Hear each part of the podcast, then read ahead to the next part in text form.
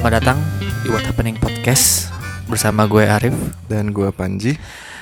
Eh, udah lama juga lagi nih kita baru rekaman lagi kak. Gimana Iya. kak kabar kak? Ah, baik. Alhamdulillah.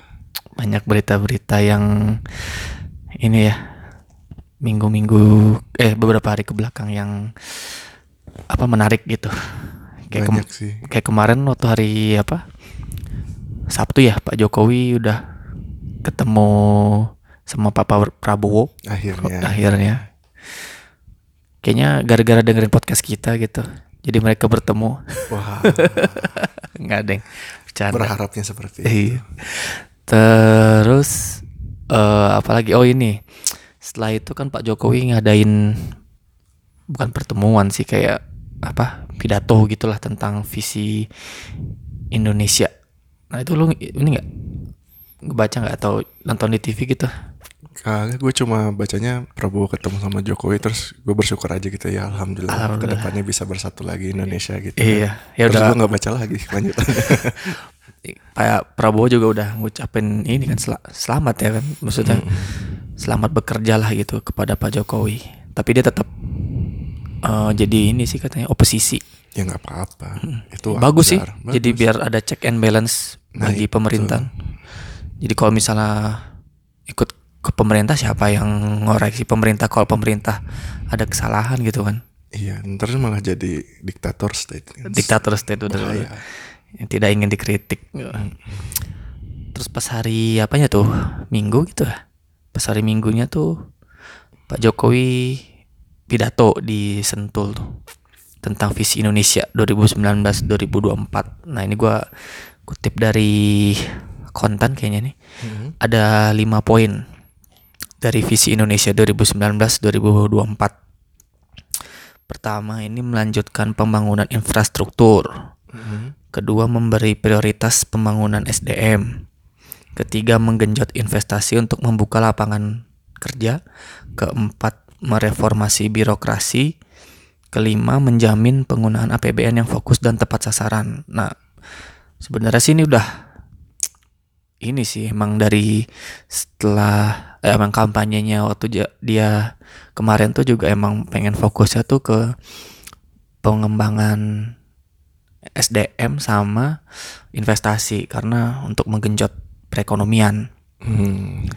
Tapi ya apa infrastruktur juga tetap di, dilanjutin.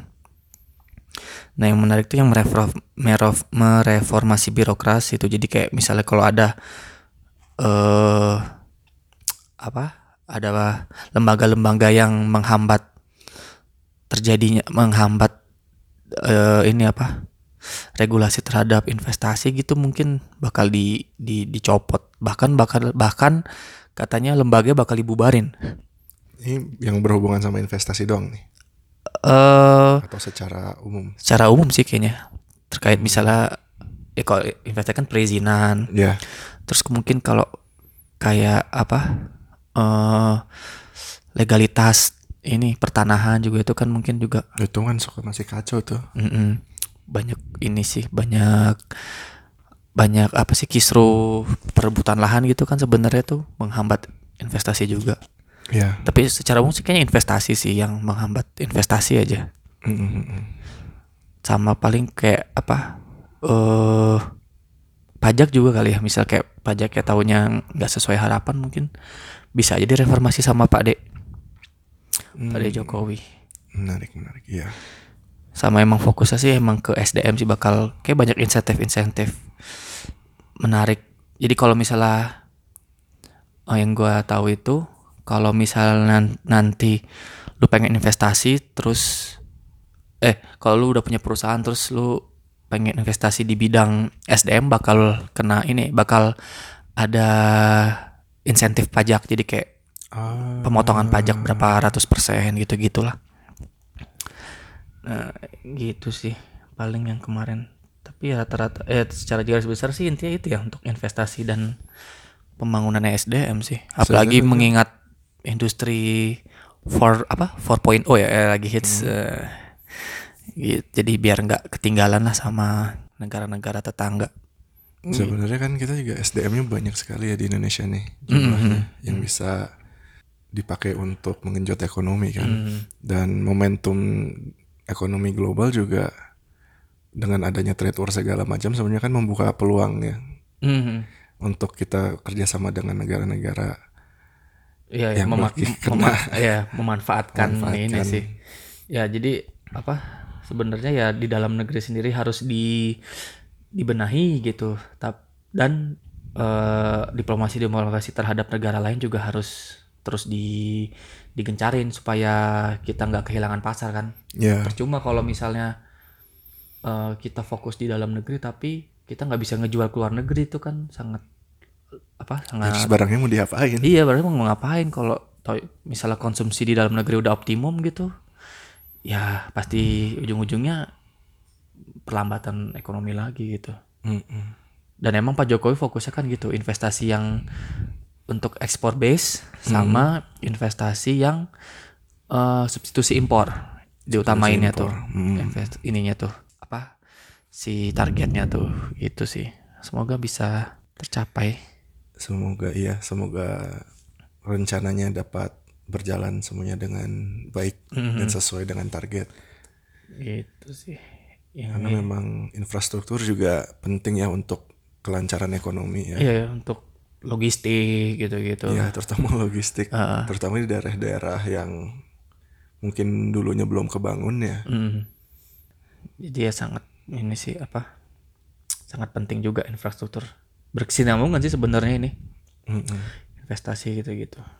Jadi ketahuan ya Pak De fokusnya di mana Ah. untuk term kedua ini. Iya. Dan karena dia kayak karena beliau sudah tidak perlu memikirkan apakah term depannya bisa Nyalonin lagi. iya jalanin lagi. Jadi mungkin Pak Jokowi bisa lebih fokus Iya. ke apa yang Kayak- dia inginkan. Kayaknya ya. bakal lebih galak sih kok kata gue.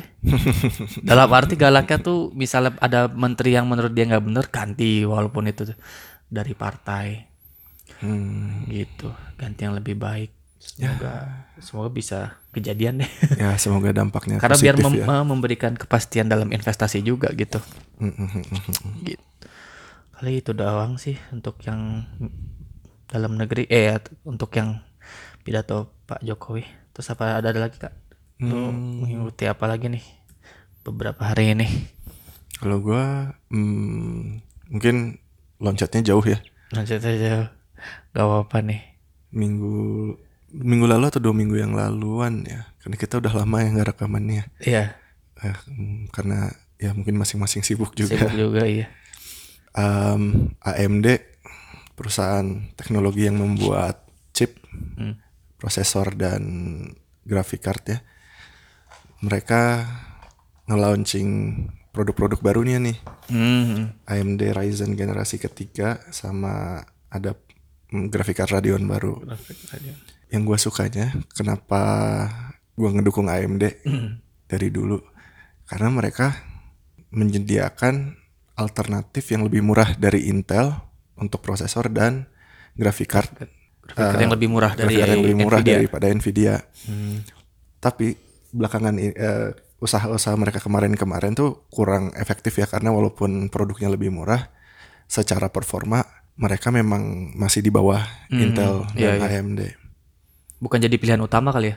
Bukan jadi pilihan utama. Jadi mereka benar-benar pilihan budget yang performanya juga budget gitu loh. Iya iya iya. ada harga ada itu, ada Iya. Tapi belakangan ini AMD berhasil untuk mungkin merestruktur perusahaannya juga ya. Hmm, organisasinya kali ya. organisasinya.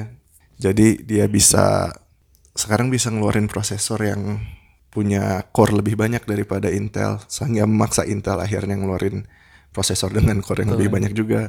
Terus dia mulai memerangi Intel terutama di bagian prosesor prosesor komputer yang dia lebih kompetitif dibanding grafik cardnya. Karena selama ini kan Intel sangat mendominasi Iya iya iya. di dunia prosesor Benar-benar. sehingga mereka bisa agak seenaknya ngasih harga Hmm, jadi press te- press maker. price makernya iya. Hmm. Jadi mereka lumayan bisa mendikte lah, Hmm. mendikte terutama di bagian personal komputer ya. Personal, iya. Performa seperti apa yang bisa kita dapat dengan harga seperti apa. Begitu AMD sekarang dari Ryzen 1, 2 walaupun sempat ngasih sak, apa ya kepusingan gitulah ke Intel Hmm. tapi Ryzen ketiga ini yang dia menurut para ahli teknologi dapat benar-benar nye- apa ya mengambil pasar banyak dari Intel terutama di bagian low sama Mid. mid-nya Mid. meskipun prosesor high end Intel juga yang 9900X ya kalau nggak salah itu yang i9-nya price to performance-nya kalah dengan eh, prosesor Ryzen paling tingginya yang harganya tuh cuma setengah atau Setengahnya dari ya setengah lebih dikit lah. ya, harganya biasa lebih di bawah lagi sih kalau si AMD ya. Iya. Di bawah. Nah gue sukanya karena ini kemarin Intel setelah ada launching eh, press conference-nya ini, Hmm. Intel langsung nurunin harga-harga dari prosesornya. Oh gitu. itu ah, udah berapa tahun hal ini nggak pernah terjadi. Jadi. Intel nggak pernah nurunin harga prosesor karena dialah yang mengatur maker, harganya, iya, iya. makernya. Begitu AMD masuk ngasih performance dengan harga yang lebih murah, Iya. ngasih core count yang lebih banyak, ngasih cache prosesor yang lebih banyak dengan harga yang lebih murah.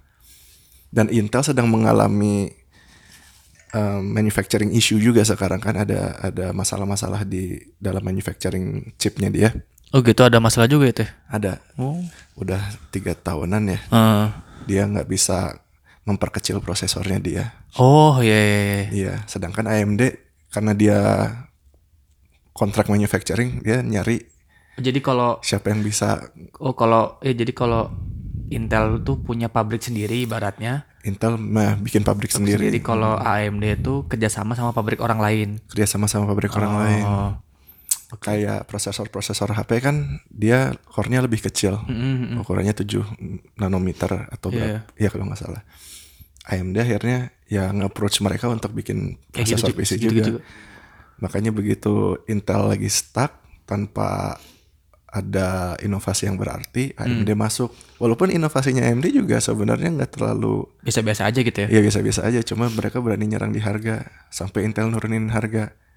Terus respon AMD nggak lama setelah Intel bilang gua akan nurunin harga, AMD langsung nurunin harga lagi. Masih ada ini ya. Masih ada margin dia buat margin. Itu yang mungkin nggak kepikiran sama orang-orang Intel. AMD masih berani nurunin harga lagi nih. Gua kira udah mentok nih harganya segini. Jadi buat para gamer, bukan gamer doang sih ya, Iya, buat ya di dunia PC ini ya, Apa PC Master Race? Apa? PC Master Race. Master Race. Terutama buat apa video editor, graphic Hmm. designer. Di kita jadi punya pilihan yang lebih murah Lebih murah. dan lebih luas lah. Tapi permasalahannya kan dulu kalau dari dulu AMD tuh kan gampang panas gitu. Ya Itu masih masih sebagai isu nggak atau? panas selalu masih jadi isu ya sebenarnya Hmm. karena dia juga power consumptionnya di beberapa chipnya lebih tinggi. Jadi itu pasti akan bikin saya bikin itu lebih panas. Tapi Iya. selama kita nggak terlalu nge-push Iya, iya. maksudnya nggak nggak terlalu overclocking atau ya selama pemakaiannya wajar mah nggak akan Nggak terlalu akan masalah. Berarti sih. emang ini mah masalah harga aja ya pertarungannya. pertarungannya masalah harga. Jadi seolah-olah dulu dulu tuh Intel bisa naruh harga seenak jidat. sekarang, harus mikir-mikir harus lagi. mikir-mikir lagi udah mulai ketar-ketar. Atau emang ngaruh ke salesnya juga kali ke penjualannya gitu. Lumayan AMD eh, lumayan makan pasarnya Intel lumayan banyak ini sekarang. Oh gitu sekarang. Iya, Untuk yang mid, Ryzen 1 2 mid low. Untuk yang mid low. Kebanyakan setahu gua mid low. Mid low ya. Yang tapi yang pasar high endnya juga banyak nggak walaupun belum banyak-banyak banget ya cuma Hmm. AMD udah mulai ngambil nih. Udah ngambil ini ya. Ceruk. Iya. Ceruk pasar Intel. Karena ada produk AMD juga yang namanya Threadripper itu produk yang aneh menurut gue ya Hmm. karena dia eh, chipsetnya tuh beda dari yang lain dia ukurannya dua kali lipatnya itu tuh untuk mereka yang butuh benar-benar butuh speed buat rendering video atau 3D biasanya Hmm. karena dia perlu banyak eh, core count Core, itu hmm. penting buat eh, computing task yang kayak gitu ya ya Intel belum punya jawaban yang memadai kayaknya buat Threadripper. Buat buat nanding ini tuh belum ada dia. Ada cuma hmm, ya itu lagi balik lagi ke, ke price to performance. Oh iya. iya. Agak susah buat ngalahin di situ. Iya, iya. Kenapa bisa lebih murah ya itu misalnya dari dulu sih AMD tuh emang Sebenarnya Karena Intel pabrik bisa, itu kali? Bisa ngejual dari dulu Intel bisa ngejual murah, cuma karena nggak ada kompetisi yang berarti dari chip maker yang lainnya Hmm. ya dia akhirnya ngasang harga masih seenak jidat dia yang penting profit ya untuk lebih mentingin profit kan Oh benar benar. sekarang dia lebih mentingin kompetisi gue nggak mau market gue keambil Keambil. banyak nih Ah, apalagi jadi Intel harus mulai berubah dari profit ke market, Ke lagi market. sekarang apalagi sekarang kan musim apa bisnis tuh disruptif gitu kan. iya Jadi lu bisa aja lu tahun ini megang kendali pasar tahu-tahu tiga bulan bahkan bisa pasar lu kerebut gitu kan Mm-mm. dengan strategi-strategi marketing. Dan mungkin kayaknya karena AMD ganti manajemen kali ya. setahu gue ya Jadi dia emang tahu gitu gimana cara ngerusak pasar kali. walaupun sedihnya divisi grafiknya Radeon masih belum bisa ngelawan Nvidia ya dia bisa dia ngeluarin RX yang 5600 kalau nggak salah yang baru tapi cuma bisa nyerang mid low marketnya Marketnya Nvidia. Nvidia. Kalau grafik memang untuk high end grafik nggak ada solusi yang lebih bagus dari Nvidia saat ini sayangnya. Tapi lumayan karena mid to low itu kan justru kebanyakan orang nyarinya di situ ya, iya. nyari grafik pilihan yang di situ. Mungkin fokus manajemen AMD masih untuk pasar chip kali. Chipset belum belum untuk ke grafik grafik card. grafik Mungkin nantinya bakal terusik juga gitu Nvidia. Siapa tahu.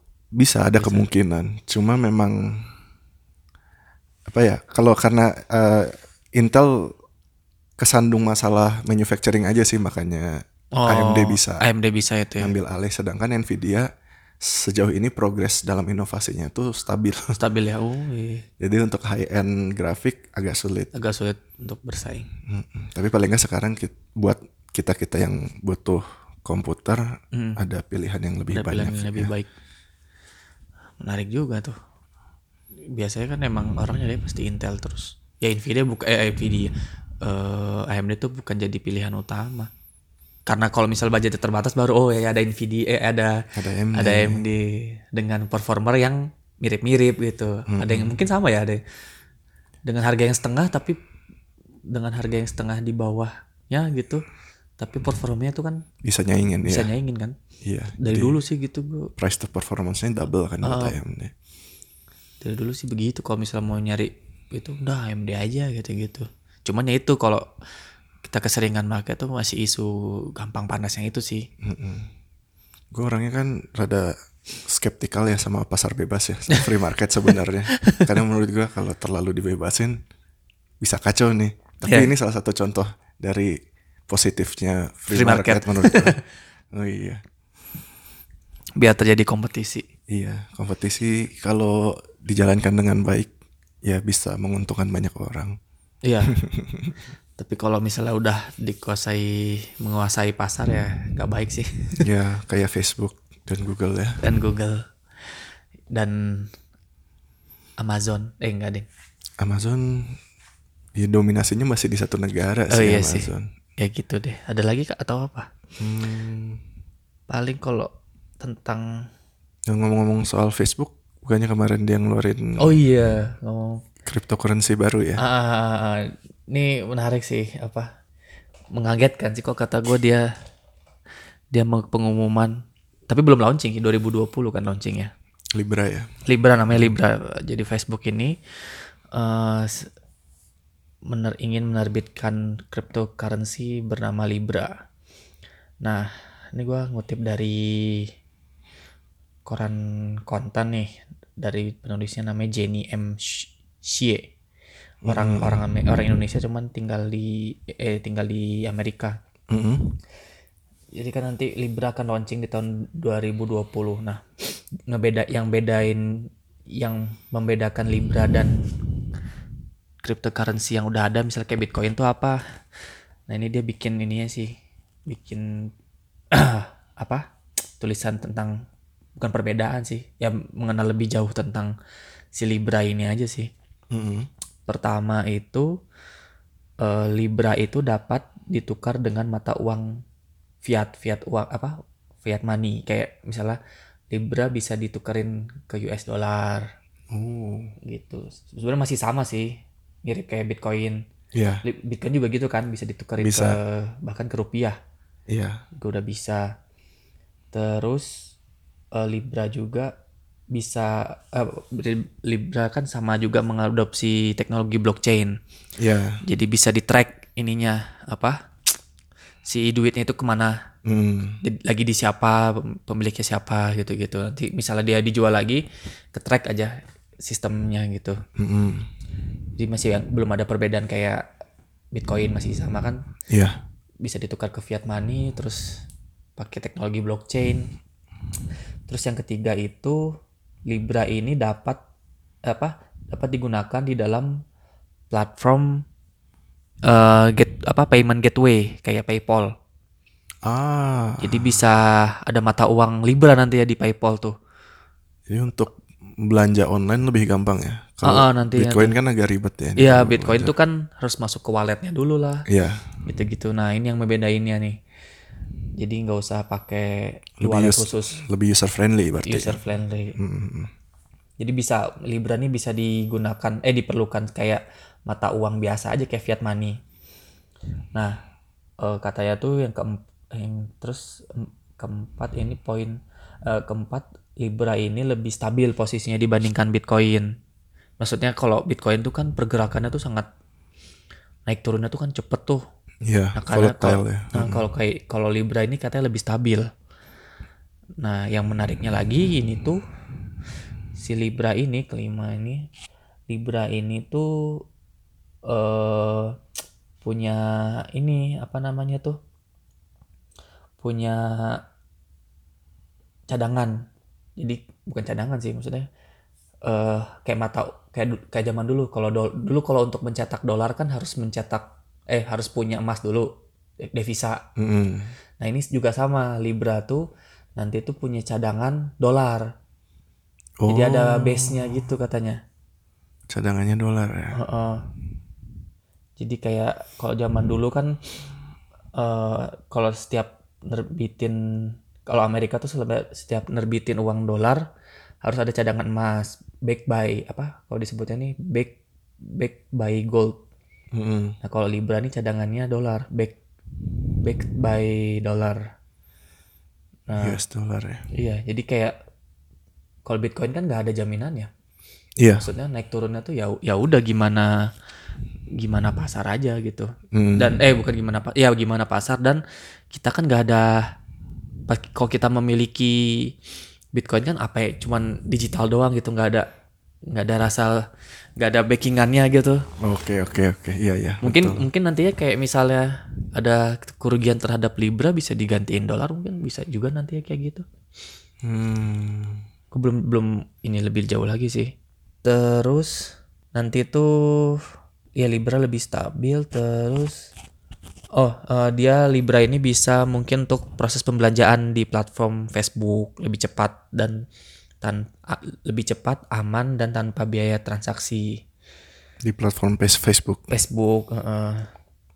oh nanti bisa dipakai di PayPal juga sih bisa dipakai buat pembayaran di PayPal tadi udah ya Udah. Heeh. sama ini eh, FB apa kerjasama sama Calibra untuk masalah privasi datanya. Ya kan sejauh ini Facebook Nah itu punya banyak masalah Oh. dengan privasi ya. ya itu tuh yang di bukan yang di yang dipermasalahin orang-orang tuh gitu kan. Kok dia udah tahu Facebook tuh punya masalah terhadap privasi ini malah nerbitin Cryptocurrency. cryptocurrency kan. Jadi orang juga agak nggak percaya juga gitu mau nitipin duit di situ. Hmm, Baru perasaan baru minggu kemarin ya Facebook akhirnya diputuskan harus bayar 5 miliar dolar Mm-mm. untuk kasus yang Cambridge Analytica. Itu, iya, iya, iya, iya, iya. Iya. Yang agak gede aja dendanya lumayan tuh 70 dendanya. triliun gitu, Iya. ya kan? Nah, jadi apa? Eh, ya gitu sih. Eh, apalagi ya kak? Gue rada kaget sih waktu Facebook mengumumkan dia mau bikin cryptocurrency. Mhm. Karena gue bingung buat apa juga. iya, Soalnya agak jauh hubungannya kan sama apa yang mereka lakukan selama ini dari sosial media Iya, kan. sosial media. Mereka kan rajanya sosial media nih. Apalagi setelah ngakuisisi Instagram ya sama WhatsApp. WhatsApp. Jadi Mungkin supaya transaksi di dalam platformnya itu Apakah dia mau bikin marketplace? udah kan? Eh bah- bahkan eh, bukan udah lah, bukan udah sih maksudnya kan ada Facebook Shop juga kan di dalam itu tuh. Oh iya, Heeh, di Amerika tuh bahkan Wah. bisa belanja dari WhatsApp. gue nggak pernah buka Atau, eh, Facebook dari soalnya. eh dari Instagram. Instagram tuh udah bisa shop di Amerika tuh. Baru di Amerika Setahu gue masih testing ya. setahu masih testingnya tuh di Amerika. Berarti kan Cocok sih sebenarnya kalau dia pakai bikin cryptocurrency. oh oke oke menarik kalau begitu. Gue gue soalnya baru tahu tuh kalau yang yang gue pikirin kan memang dia bikin currency sendiri karena dia mau buka marketplace sendiri buat nyaingin Amazon. Ah ya. Bisa Soalnya jadi. Ini menarik berarti kan Amazon tiba-tiba ada kompetisi, Kompetisi. dari tech company yang gede juga Iya kan. ya. Dan kalaupun dia bikin cryptocurrency, ya kan dia udah ada penggunanya itu kan miliaran kan. Facebook iya. Ah, Facebook tuh. Jadi ya gak usah bikin, gak usah marketnya udah ada gitu setidaknya. Dan keuntungannya Facebook dibanding Amazon menurut gue ya, Hmm. dia penggunanya udah di mana-mana. Kalau Amazon kan mungkin baru di Amerika, Eropa, Amerika, Eropa, kebanyakannya. India, India ada ya? India Amazon, ada Ada ya. Kalau Facebook kan di mana-mana. di um, Kecuali iya, Cina lah. Iya, kecuali Cina. Cuma maksudnya di Indonesia pengguna masih banyak. banyak banget. Di India pun banyak banget. Di India banyak banget. di negara-negara yang masih berkembang Facebook penggunanya kan Iya. banyak ya. Mm-mm. Jadi kalau tiba-tiba dia bisa buka marketplace, usernya juga potensial usernya langsung lebih Potensial. banyak dari Amazon justru. Langsung udah misalnya katakanlah udah udah pastilah satu miliar orang mah. Eh, misalnya 500 juta pengguna gitu bakal make. Menarik, menarik nih. Ya gue juga kaget kok. Eh Gue seneng nih kalau Amazon ada pesaing, gue seneng nih. biar Jeff Bezos gak usah songong ya. Iya, si Bezos lama-lama makin. Dulu gue suka sama si Bezos. Sekarang gue mulai menurun afeksinya. Karena kayaknya dia emang mau menguasai. Tapi sulit sih. Untuk bisa untuk bisa menguasai marketplace seluruh dunia ya. Iya sulit. Cuman ini ini ini menarik sih yang yang gua senenginnya tuh eh Libra dibandingkan cryptocurrency yang lain tuh dia ada back backetnya ini sih. Apa ada jaminannya? Ada ada cadangan devisanya lah kalau Jadi biar penggunanya juga ngerasa lebih secure ya. Ah, lebih aman. secure bahwa ini tuh ada jaminannya gitu bahwa biasanya kan ya gue gue sempet trading bitcoin gitu-gitu kan Hmm.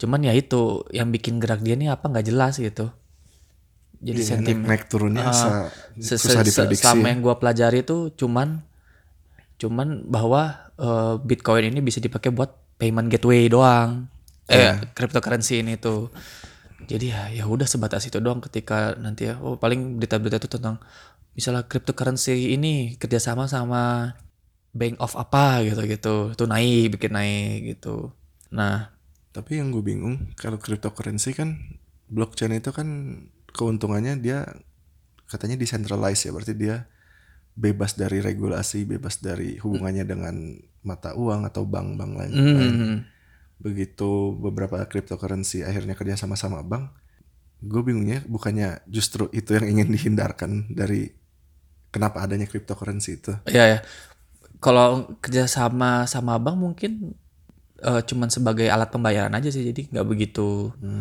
membahayakan kecuali kalau dia dipakai buat apa pertukaran gitu. Eh nggak pertukaran juga sih.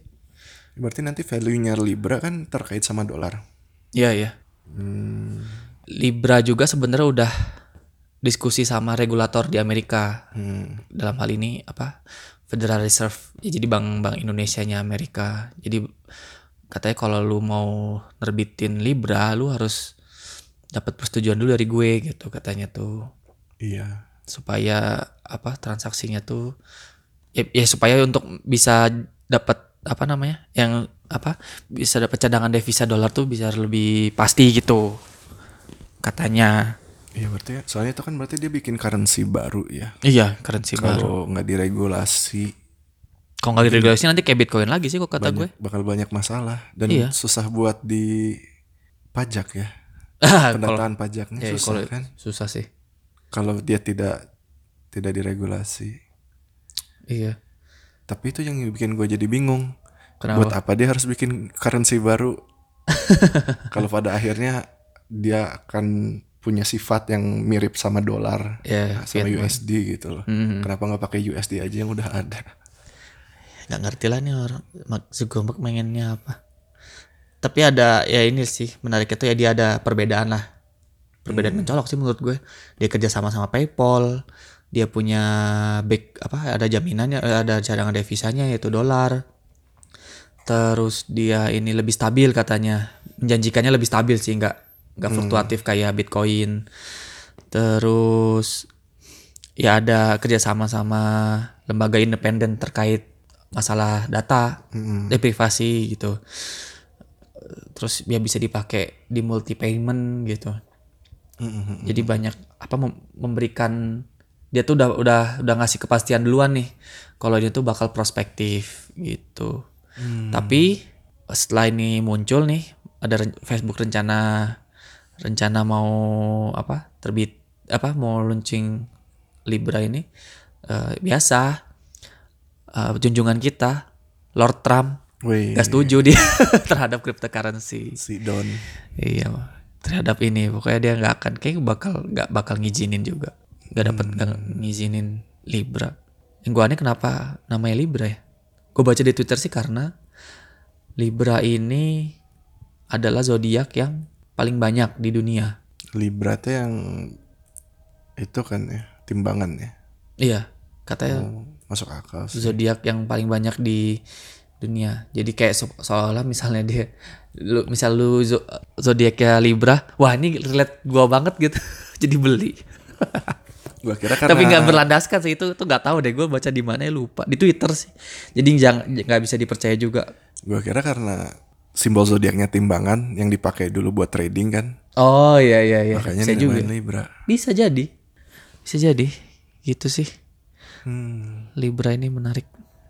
Ya Kita tunggu aja apakah nanti 2020 dia bener-beneran launching atau ini hanya sebagai sebagai wacana aja gitu.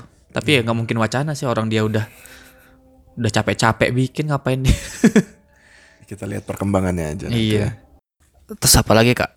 Kalau gue dari itu aja sih apa setelah kripto Facebook itu paling ini setelah kan kemarin-kemarin kita ngebahasnya perang dagang tuh nggak perang dagang sih eh, pertikaian antara Amerika Serikat dan Cina Iya. perang dagang. Nah sekarang ini ada bukan perang dagang juga sih eh, ada memanasnya diplomatik antara Korea Selatan dan Jepang. oh kenapa lagi tuh Nah ini tuh gak berawal dari keputusan pengadilan Korea Selatan yang menghukum Nippon Steel and Sumitomo Metal Corp Jepang harus memberikan kompensasi kepada empat warga Korea Selatan atas kerja paksa mereka selama Perang Dunia Kedua. selama perang dunia kedua Ah, jadi kayak tragedi masa lalu yang diungkit sekarang gitu ya. mereka bisa tracking empat orang Nah Gitu itu iya ini gua nggak begitu mengikuti cuman ramenya tuh karena setelah keputusan itu Jepang meresponnya tuh ini untuk membatasi ekspor produk-produk berteknologi tinggi ke perusahaan Korea Selatan. seperti apa tuh? Eh, jadi membatasi produk-produk untuk chip sama pro- ya untuk chip sih yang gua ini ke perusahaan-perusahaan Korea Selatan kayak ke Samsung sama ke Sinux eh apa? Sinux lagi. SK Hynix. SK, SK H Y N I X. Ya itulah. Ya. Em, jadi ya kayaknya bakal eh memu nggak nggak memukul sih bakal produksi HP-HP mereka mungkin bakal terhambat kalau misalnya eh, bahan baku chip ini itu Iya sih. dibatasi dari dibatasi di eh, ekspornya dibatasi oleh Jepang. mereka nggak ada ini ya apa backupnya yang lain ya Nah. Update-update terbaru sih akhirnya pemerintah turun tangan, pemerintah Korea Selatan Mhm. eh, bakal memberi bantuan entah itu kompensasi entah apa. Jadi sekarang-sekarang juga kerjasama ke eh, nyari backupnya tuh backup chipnya ini ke Jerman sama ke Rusia. Wah. Gitu. Jadi berlanjut berlanjut ternyata berlanjutnya tuh gitu. Kom- mungkin ko- bukan kompensasi sih mungkin dicari bantuan mana nih negara-negara yang bisa menghasilkan chip-chip terbaik gitu selain dari Jepang Responnya menarik ya. responnya menarik. Gua kira gak bakal di gak bakal berlanjut gitu. Gak- bukan bukan jadi ya biasa aja gitu respon Korea Selatan. Ternyata dia mencari alternatif ini juga. Ya bukannya memperbaiki diplomasi ya. iya. Makanya kan sempat rame tuh katanya boykot Jepang boykot Jepang gara-gara masalah ini. Di Korea, hmm, tapi memang kayaknya masih banyak apa ya rasa terzolimi kali ya dari Perang Dunia Kedua. iya Karena Jepang kan memang agak keras dulu ya agak keras dulu ya ke kita juga ke, kan. ke Indonesia juga keras gimana ke yang lain Iya, apalagi ke tetangganya yang paling dekat. Iya. Jadi ya semoga gue berharap nggak berlanjut sih masalah yang gini. Tapi kayaknya aneh juga gitu masalah gara-gara perihal be- bukan beban masa lalu sih. Kesalahan masa lalu Jepang, eh, kesalahan masa lalu gitu. Di, ya kan didenda doang gitu. Terus Jepang harus sampai segininya gitu. Dendanya besar ya. Nah itu gue gak begitu tahu sih. Harusnya sih dendanya mungkin ada material dan imaterial ya. Cuman media ininya cuman denda dan dan apa kesalahannya eh, keputusannya gitu doang sih. Dendanya berapa nggak tahu. Sebenarnya kalau dendanya dibayar, Hmm. masalah ini kan selesai ya.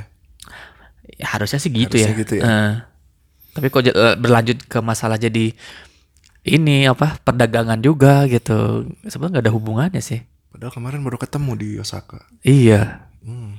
Eh, ta- mungkin takutnya gini kalau Jepang kalau Jepang nggak menghambat perdag apa ini sanksi lah ibaratnya ya Ya. takutnya nanti masa lalu Jepang tuh bakal dikorek lebih lanjut gitu loh jadi mungkin ini awal gitu bahwa Jepang tuh ternyata sangat membabi buta zaman dulu jadi mungkin nanti ada aja rakyat-rakyat Korea Selatan yang menuntut hak yang sama gitu Iya juga sih. Iya kan? Karena kan korbannya banyak dari orang pastinya. Cuma mungkin ini orang. cuman eh mungkin ini yang salah satu yang speak up gitu ya. bisa aja nanti taunya lebih banyak lagi bikin bikin apa ngajuin ke pengadilan lagi lebih besar gitu sehingga nanti ngaruhnya ke diplomatik juga gitu Iya, sebenarnya bisa masalah diplomasi gini kompleks juga tapi bisa diselesaikan dengan damai ya mestinya mah. harusnya bisa dong itu Ko- kalaupun mentok-mentok berlanjut Hmm. karena karena ini perihal perdagangan antar dua negara ya, bisa aja di di ini sih kalau Koreanya nggak seneng sih bisa aja ke minta tuntut ke WTO Oh iya iya betul betul. kan itu kan Karena ada, lembaganya kan? Ada regulasi buat Ada regula- perdagangan internasional iya. juga kan. Heeh. ya kalau misalnya kenapa apa? Kenapa Jepang ke Korea doang ininya apanya?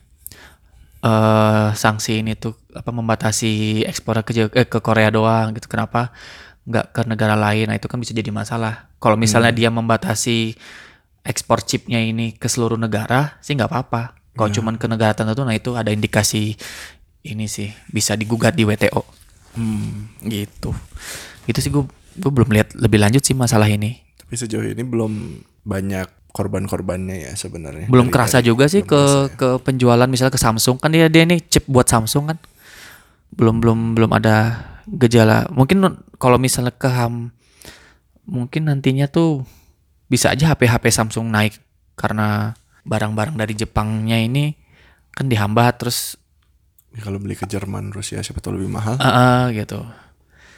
Gitu. Sebenarnya kalau kalau Indonesia mau memanfaatkan sih eh nggak bisa deng kita nggak nggak memproduksi chip juga. Salahnya di situ sih.